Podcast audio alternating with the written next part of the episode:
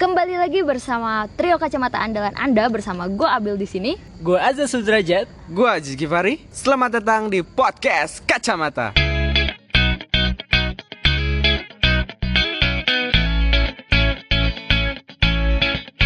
Ya jadi gini ya guys, kemarin tuh sebenarnya kita udah ngerekam full dari Book of the Year, Music of the Year, and Movie, of the Year. Tapi eh, mungkin karena kepanjangan kita ngobrol ada satu jam 20 menitan gitu, jadinya rekamannya error gitu yang terselamatkan cuma Book of the Year Iya, doang ya, yang Year. musik Jadi- sama eh, apa tuh namanya? Movie. movie of the year tuh kresek-kresek gitu kayak ceket-ceket ke keputus-putus gitu lah nggak ngerti. Nah jadi ya udah kita mulai lagi aja nih. Ngulang lagi rekaman. Ngulang lagi rekaman. Tapi Hmm. kita cuma berdua karena si Azat sibuk. Oh, Azat tapi sibuk. nanti gue edit. Eh, gue abis ini eh, ngobrol sama Azat, tapi tanpa Nabila. Tapi Hmm. Oke. tetap masih ada Azatnya kok. Iya iya gitu. Eh, karena gue juga mau pergi nih Jis. Oke, Eh, siap. gue mau main. Eh, Oke gini aja Jis langsung aja kita eh, kan kemarin kita bahas ya Book of the Hmm. Year kayak gimana aja. Nah sekarang mungkin kita bisa bahas soal eh, Music. Music of the Year. Oke, Nah, musik ya. Kalau lu sendiri Jis, Music of the Year versi lu di 2019 ini apa? Sebenarnya gue nggak terlalu ngikutin musik ya. Hmm. Tapi di pertengahan bulan, eh pertengahan bulan, pertengahan tahun, Hmm? gue kenal sama eh, grup band Fish, Hmm? terus sama Hindia juga. Hmm. Jadi eh, liriknya itu apa ya? Bisa dibilang sarkas, iya bisa dibilang, tapi lebih dekat gitu dengan kehidupan masyarakat eh, Indonesia. Hmm, hmm. Contoh misalkan ada judulnya Padi Milik Rakyat gitu. Nah di sana Oh. eh, liriknya tuh ada padi milik rakyat, pajak milik rakyat, eh, mobil pejabat milik rakyat karena dibayar dari pajak gitu. Itu kan Berarti lagu-lagu mereka kayak sosial banget gitu ya, Ah. bisa mengangkat eh, narasi-narasi eh, sosial kemasyarakatan, terus Mm. apa yang emang sindiran juga Iya, ya nggak sarkas juga gitu. terus eh, ada influencer bilang bahwa lagu ini tuh sebenarnya bisa menggantikan lagu-lagu mahasiswa kayak Darah Juang, Ah, iya. terus apalagi sih Burutan yang kayak gitu-gitu Iya, kan iya, iya. Eh, udah istilahnya old gitu ya. iya. Nah kalau ini versi terbaru Versi zaman Hmm, sekarangnya versi zaman dengan sekarang. keadaan zaman sekarang yang lebih relate gitu. Hmm, itu bisa oke, bisa oke. diganti lah gitu Ya, sama ya. ada opsi lain dari Benfish ini. Oke. Kemudian Yang Hindia itu yang gimana Hindia. Nah, yang Hindia ini gue emes gitu sama judulnya yang secukupnya. Oke. Nah di di awal eh, liriknya dia bilang bahwa Kapan terakhir kali kamu dapat tertidur tenang? Tak perlu memikirkan tentang apa yang akan datang di esok hari. Nah ini teman gue pernah bilang dia jurnalis.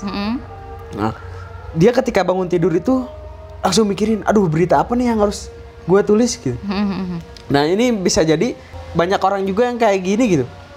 Orang-orang yang punya pressure di kerjaannya, di kuliahnya, bisa jadi kayak gitu. Sehingga dia tidak tertidur dengan tenang, Ha. kemudian selalu memikirkan ya hari esok gue harus ngapain aja, gue Hmm, gimana aja. Setelah gitu. tidur atau mau sebelum bangun tidur itu dia mikir, aduh besok ada apa lagi nih. Nah Hmm. kayak gitu-gitu sih. Itu sih yang dua ya, dua band yang gue ikuti. Jadi lagu ini cukup relieving stress banget gitu ya, Mm-mm. karena ya gitu mungkin menyentak kita juga buat kita kita yang selalu terlalu banyak pikiran tapi sebenarnya nggak harus dipikirin Nah, itu, gitu. Benar-benar. Ya udah Itu selalu sih. aja gitu. Udah. Kalau gue dua dua doang sih itu aja. Hmm, Oke. Kalau lu gimana? Kalau gue buat musik nih ya, karena gue juga termasuk orang yang gak ngikutin musik juga. Eh, tapi gue cukup sering lagu yang jadi anthem gue tahun ini tuh. Tuh? anthem gue ya, eh, Hall of Fame dari The Script. Oh, iya. Kalian, pokoknya gue suka banget deh liriknya.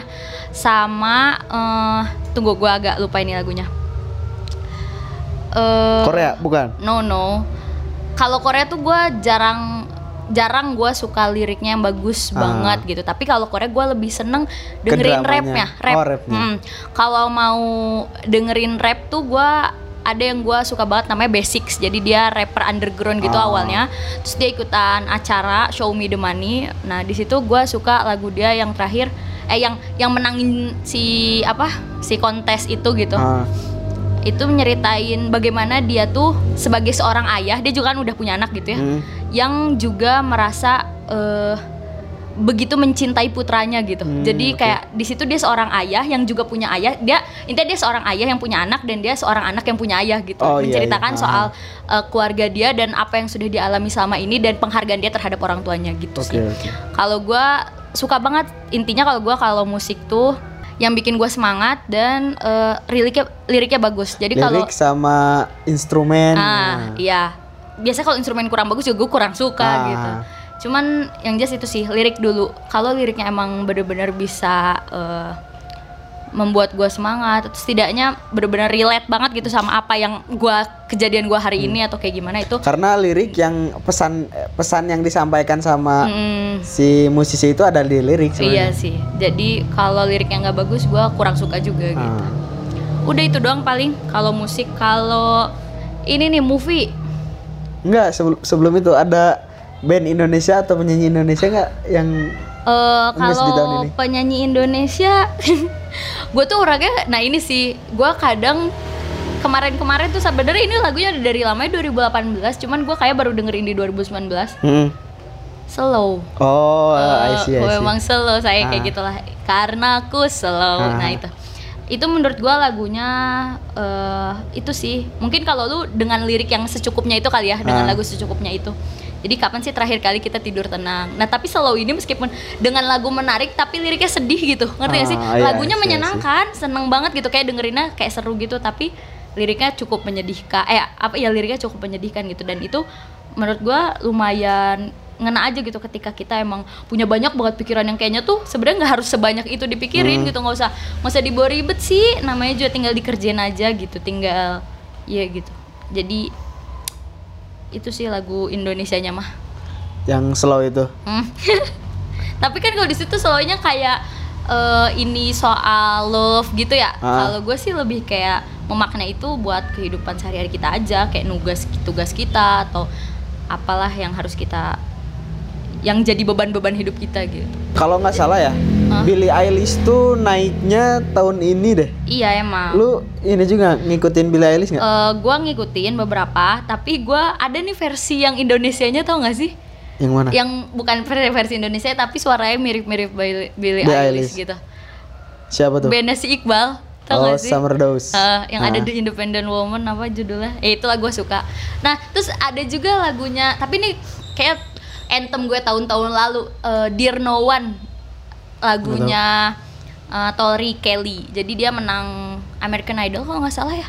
Hmm. Awalnya dia pokoknya sempat dijelek-jelekin gitu lah sama si Simon di American Idol. Tapi dia akhirnya mampu berkarya dan lagu-lagu dia liriknya dapat banget sih. Jadi kalau No One ini lagunya tidak ditunjukkan untuk siapa pun, tapi yang jelas eh intinya menurut dia eh yang namanya cinta itu nggak perlu kayak ditunggu-tunggu kayak apa gitu. Tuh pada pada saat waktu yang tepat dia akan datang sendiri gitu. Oke. jadi lagu itu nggak ditunjukkan untuk siapa pun tapi ditunjukkan kepada siapa pun yang akan ada di masa depannya gitu. Kayak bagus sih dia lirik. Ah gue nggak nyangka aja gitu. Di antara lagu barat yang sekarang eh, hype-nya tuh sama eh kayak ini ya apa maksudnya? Duit cewek gitu loh. Lirik Ah. liriknya tuh kayak nggak ada yang bener-bener me, apa ya memberikan edukasi gitu lagu itu cukup eh, bikin gue amazed Kalau gue sih Billie Eilish senang stylenya dia sih, fashionnya dia, selengean yang Hmm. kayak gitu-gitu.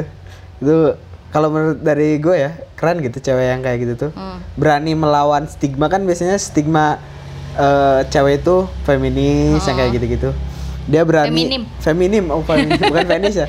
beda feminim. lagi ya iya Dia berani untuk tampil kayak gitu sih. ya gue berharap s- tahun depan musisi-musisi Indonesia maupun luar semakin bisa memberikan karya-karyanya untuk kita dengarkan yang juga bisa memberikan manfaat buat banyak orang Oke. Itu ya semangat dari semua musisi Itu ya dari musik dari kita berdua. ya Nah sekarang gue udah sama si Ajat nih Coba Jat kan tadi gue udah ngobrol sama si Abil Tentang musik eh, yang berkesan di tahun ini Kalau lu apa aja nih?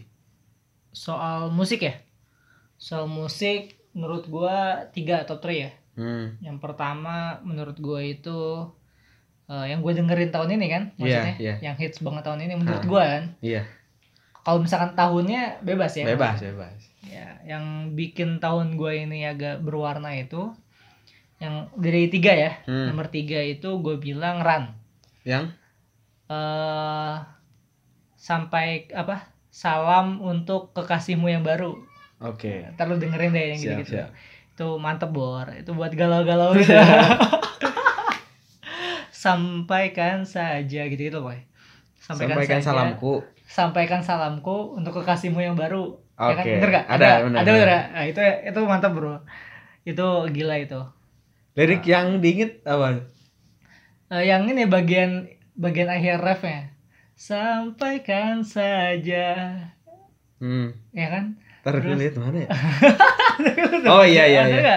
Ada. ada kan nah itu enak itu nah itu itu yang ketiga yang kedua itu jadi yang ketiga itu galau ya 2019 itu penuh galau karena kenapa gue bilang nomor tiga itu sama tapi bukan walaupun gue gak punya pacar cuma eh, dari segi musiknya itu enak Hmm. Run itu jadi eh, karena genre gue lebih ke jazz jazz gitu ya Oke. Nah, Run ini di bagian eh, lagu yang itu ngejazz banget, bassnya enak, terus eh, anti mainstream juga bassnya. 2016 boy gue Ini liat. lagunya lagu lama. Sebenarnya lagunya lagu lama, cuma gue baru nemu itu tahun-tahun ini. Dan Mes di tahun ini. Eh buat gua ya, buat gua dan Hmm. baru ngeklop itu di tahun ini gitu. Oke. Nggak tahu kenapa ya, mungkin karena beban skripsi gitu.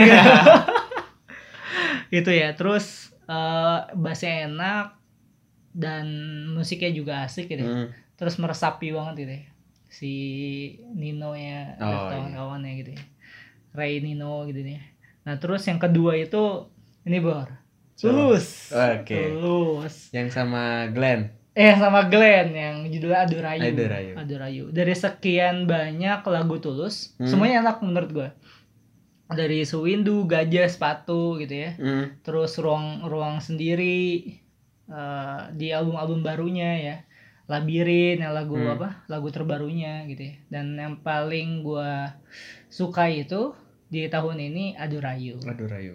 kenapa karena Adu Rayu itu selain musiknya anti mainstream Hmm. menurut gua ya liriknya juga anti mainstream jadi kayak dua orang kan kalau biasanya kalau kalau misalkan ini ya kalau misalkan lagu galau itu galau aja gitu kan Hmm. ini masalah galau galau ini bro Apaan? galaunya berebutan cewek Wih, ngeri, ngeri. ngeri itu baru denger sih Iya. baru denger kan jadi si Gle- si apa si tulus ini menurut liriknya itu dia mau rebut cewek si Glenn Oh, Oke. nah si Glenn tuh berusaha mempertahankan Ah. jadi kalau misalnya kita perhatikan liriknya begitu Eh, video klipnya juga kena sih kalau lu udah nonton belum video klipnya Udah, tapi cuman lupa lagi. yang di hutan itu loh tuh Mhm. hits banget loh di anak Twitter juga eh, lagi di apa sering dibahas gitu sih Hmm. jadi sampai ke masalah-masalah eh, ya lu nggak bakal nemu apa cinta yang kalau lu nyari yang terus sempurna gitu Oke,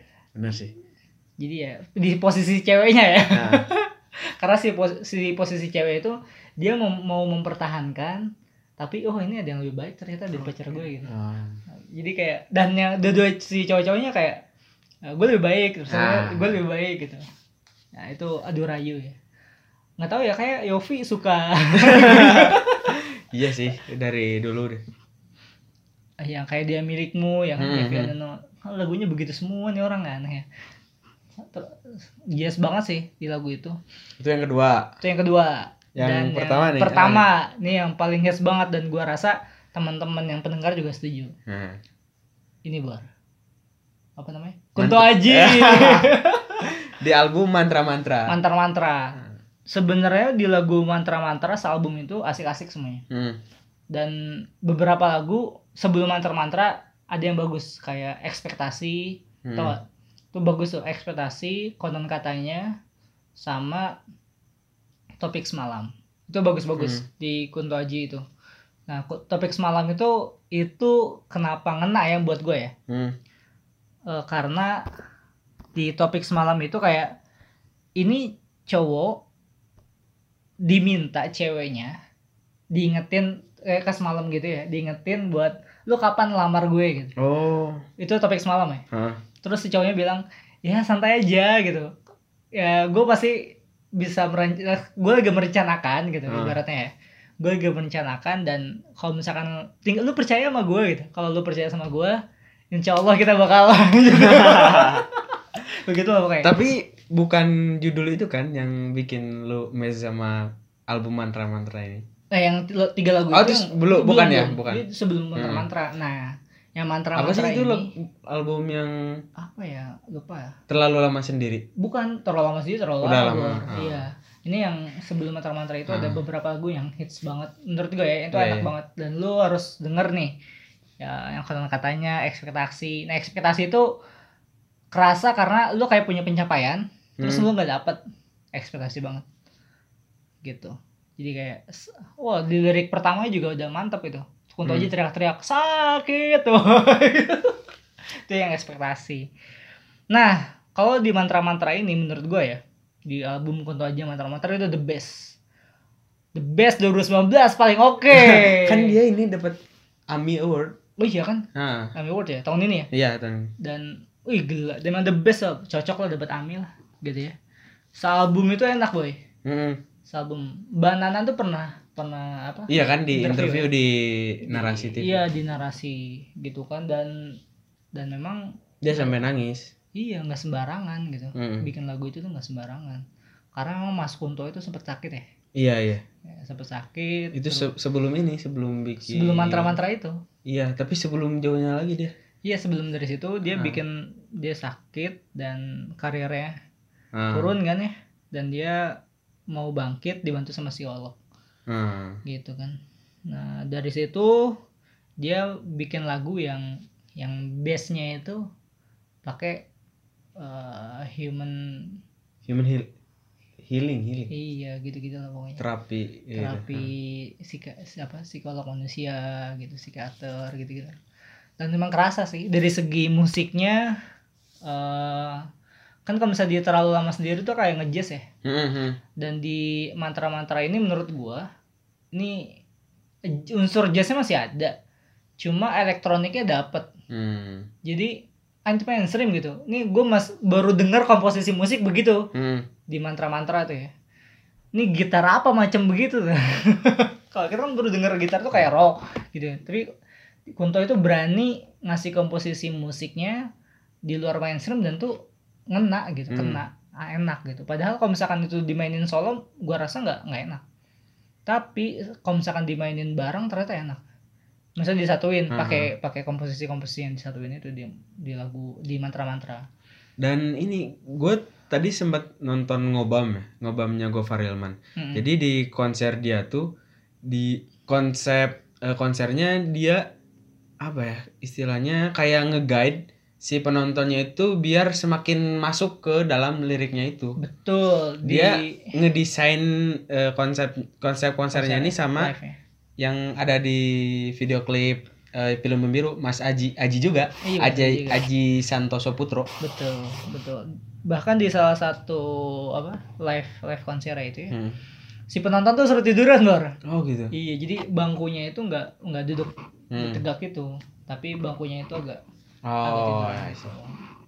apa ya gue lupa itu ada kok di YouTube coba deh kalau misalkan lu lihat eh, mantra-mantra live itu coba lu search itu Hmm. nah beberapa mungkin ada yang begitu gitu dan tuh emang kerasa sih ya menurut gue teman-teman yang udah udah pernah eh, denger Kunto deng apa bawain mantra-mantra Hmm. live kena juga sampai nangis-nangis Hmm. biasanya Meskipun dari semua yang nonton enggak 100% ya. Tapi sebagian Betul. besar pasti, Pasti- ngena sih. pasti Apalagi orang-orang yang pada saat itu punya masalah. betul karena memang si mantra-mantra ini kenapa dinamakan mantra-mantra karena kayak mengobati sakit hati orang capek apa gitu ya eh, ekspektasi yang terlalu tinggi gitu ya ini nggak capek-capek gitu ya Eh, susah banget ngebagian orang gitu gitu jadi semua masalah numpuk di kita Hmm. denger lagu itu kayak ah, gitu plong gitu loh Hmm. walaupun memang nggak menyelesaikan masalah ya Iya ya. Tapi Pada setidaknya ada healing. Betul, setidaknya membantu diri kita buat Hmm. dapat motivasi baru ya. gitu Terus kan di video klip yang apa? Film Membiru Experience. Nah, sebenarnya baik ya. Ini di salah satu mantra-mantra lagunya, salah Hmm. satunya itu yang paling hits memang film membiru. Film Membiru. Kenapa? Karena sebenarnya ya eh, tergantung lu lagi ngebayangin siapa pas lagi dengerin film Hmm. membiru. Kalau misalkan lu punya masalah sama orang tua gitu ya. Kalau misalkan lu punya masalah sama orang tua, kalau lu denger lagu film membiru itu ya kedengarannya ya lu lagi kebayangin orang tua dan Hmm. lu bikin nangis. Dan beberapa kalau misalnya lu lihat di itu bukan video klip, selesai eksperimennya itu Ah. itu selesai eksperimennya Mas Kunto itu yang di lagu film membiru itu beberapa orang ngebayanginnya itu buat orang tuanya Ah, ah. nah beberapa orang Yang buat tiga orang itu kan. Ah. iya yang sampai nangis nangis sek-sekan itu Ah. padahal cowok gitu kebayangan sama orang tua dan kebayangnya dan sama ibu sama bapak gitu Mhm. kebanyakan sama bapak itu yang biasanya yang yang cewek ya. nah eh, di film membiru ya karena memang di mantra-mantra itu eh film biru tuh posisi tengah-tengah ya. Hmm. jadi kayak kayak kan ada apa sebelumnya itu ada ada ada banyak ya Hmm. nah itu kayak ditumpukin di situ tuh dan musiknya juga aneh sebenarnya Ah. aneh itu nggak pernah dengar kita begitu mungkin kalau misalkan dulu zaman dulu ya dangdut tuh aneh Iya sih. Konsep mm, video klip yang ini tuh di ini juga sama siapa? Anji. Dia oh Anji Drive ah, mantan mantan. dia nama Anji. Nah, dia emang salut banget lah ke Anji. video klip yang sosial eksperimen ah, Oh, ah. maksudnya itu sosial eksperimen yang apa film Membiru Experience. iya Sampai ada suara Mbak Nana juga kan di situ. betul ada soal mbak Nana di Hmm. sosial eksperimen kan Di suara laki-laki yang terakhir kayak si Iqbal enggak sih? Nggak tahu eh gue nggak nggak merhatiin. Ah, betul. nggak merhatiin gua. Tapi obat dari pemilu biru itu rehat. Hmm. lagu rehat ya. Ya sebenarnya bisa buat masalah apa aja ya. Masalah kantor masalah kuliah menurut gue ya. Masalah hubungan lu sama doi ya. Masalah apa ya sama orang tua gitu ya. Direhat gitu. Dan dan yang paling penting menurut gue ya Hmm. kalau misalkan lu dengerin lagu Kunto setelah lu dengerin semua lagu galau ya yang paling penting tuh lu harus dengerin lagu yang Saudade itu Hmm. Saudade atau lu harus dengerin eh, Sulung si bungsu gitu ya Hmm. dan terakhir lu harus dengerin Rancang Bencana Dan iya, gue jadi inget di di ngobam itu Kunto bilang bahwa dia adalah anak eh, sulung. Jadi selayaknya anak sulung, lu kan anak sulung tahu sendiri gimana Iya, pendidikan iya. orang tua ke anak sulung gitu. Dan- Jadi diibaratkan anak sulung itu harus jadi contoh lah buat adik-adik. betul betul betul di lagu Sulung ya walaupun Hmm. sebenarnya liriknya sama liriknya sama cuma itu kerasa banget Hmm. gue ya gue sendiri pribadi sebagai anak sulung ya kita ngerasa banyak dituntut ya Hmm. kita ngerasa banyak dituntut harus begini harus ngasih contoh harus jadi harus jadi jalan pembuka ya Mhm. bagi adik-adik gitu ya kita ngerasa seperti itu walaupun memang sebenarnya ya nggak ada tuntutan resmi sih Iya. cuma kan Tapi secara tidak langsung ya. ha, pendidikan dari orang tuanya seperti itu. Betul, secara apa ya? Tuntutan tidak langsung ya. Tidak langsung itu kita harus seperti itu. Dan di lagu Sulung itu kan liriknya gini ya. Eh, lepaskanlah ikatanmu gitu kan. Jadi kayak ya udah ekspektasi nggak harus terlalu tercapai lah. Yang penting kita udah berusaha gitu. Nah, di situ di bungsu juga sebenarnya sama sih. Kalau kayak gitu. Kurang lebih begitu. Cuma komposisi musiknya yang beda. Hmm. Itu ya tiga eh, tadi Tiga. eh, Ran, Ran yang galau Tulus, Tulus, ada Rayu sama Rayu. Semua album di mantra-mantra nih. semua album Ran. dan tiga lagu sebelumnya tapi menurut gua ya kalau itu kan lagu ya Hmm, ada konser musik yang paling gua suka apa tuh? tahun ini konser Tulus, Hmm. gua suka kalau misalkan Kunto Aji kalau live gitu kalau misal eh, bagus ya cuma gue lebih favorit Tulus tahun ini Hmm. di tahun di bulan apa ya gue lupa dia ngadain konser Jakarta itu bagus. Hmm. lo harus nonton deh. Di YouTube ada kan? di YouTube ada. Full. Gratis. Karena Indo XX1 karena udah diblokir. Hanya YouTube kita bisa menonton. Gitu. Dan iya sih lo harus nonton deh yang tulis Siap, itu. siap. karena jazz banget di sana. Dan gue salut sama sama timnya tulus ya. Karena tulus bukan penyanyi yang solo menurut gue Kenapa tuh? Karena musiknya dia itu itu musik ini bor. Musiknya musik musik tim itu loh. Hmm. jadi dia nggak jago sendiri. Gitu. Kalau misalnya lu coba ya lu nonton sam, lu nonton di konser yang Jakarta itu sebenarnya ada manajer musiknya itu si Tulus tuh. Jadi eh, bassnya gimana dan teman-temannya jago banget gitu ya. Gua rasa ini Tulus ini jago karena tim gitu walaupun namanya Tulus Mhm. Dan nanti Raisa 2020 bakal. Itu mungkin ya dari kita bertiga tentang musik yang berkesan di 2019. Tak ada yang seindah matamu Hanya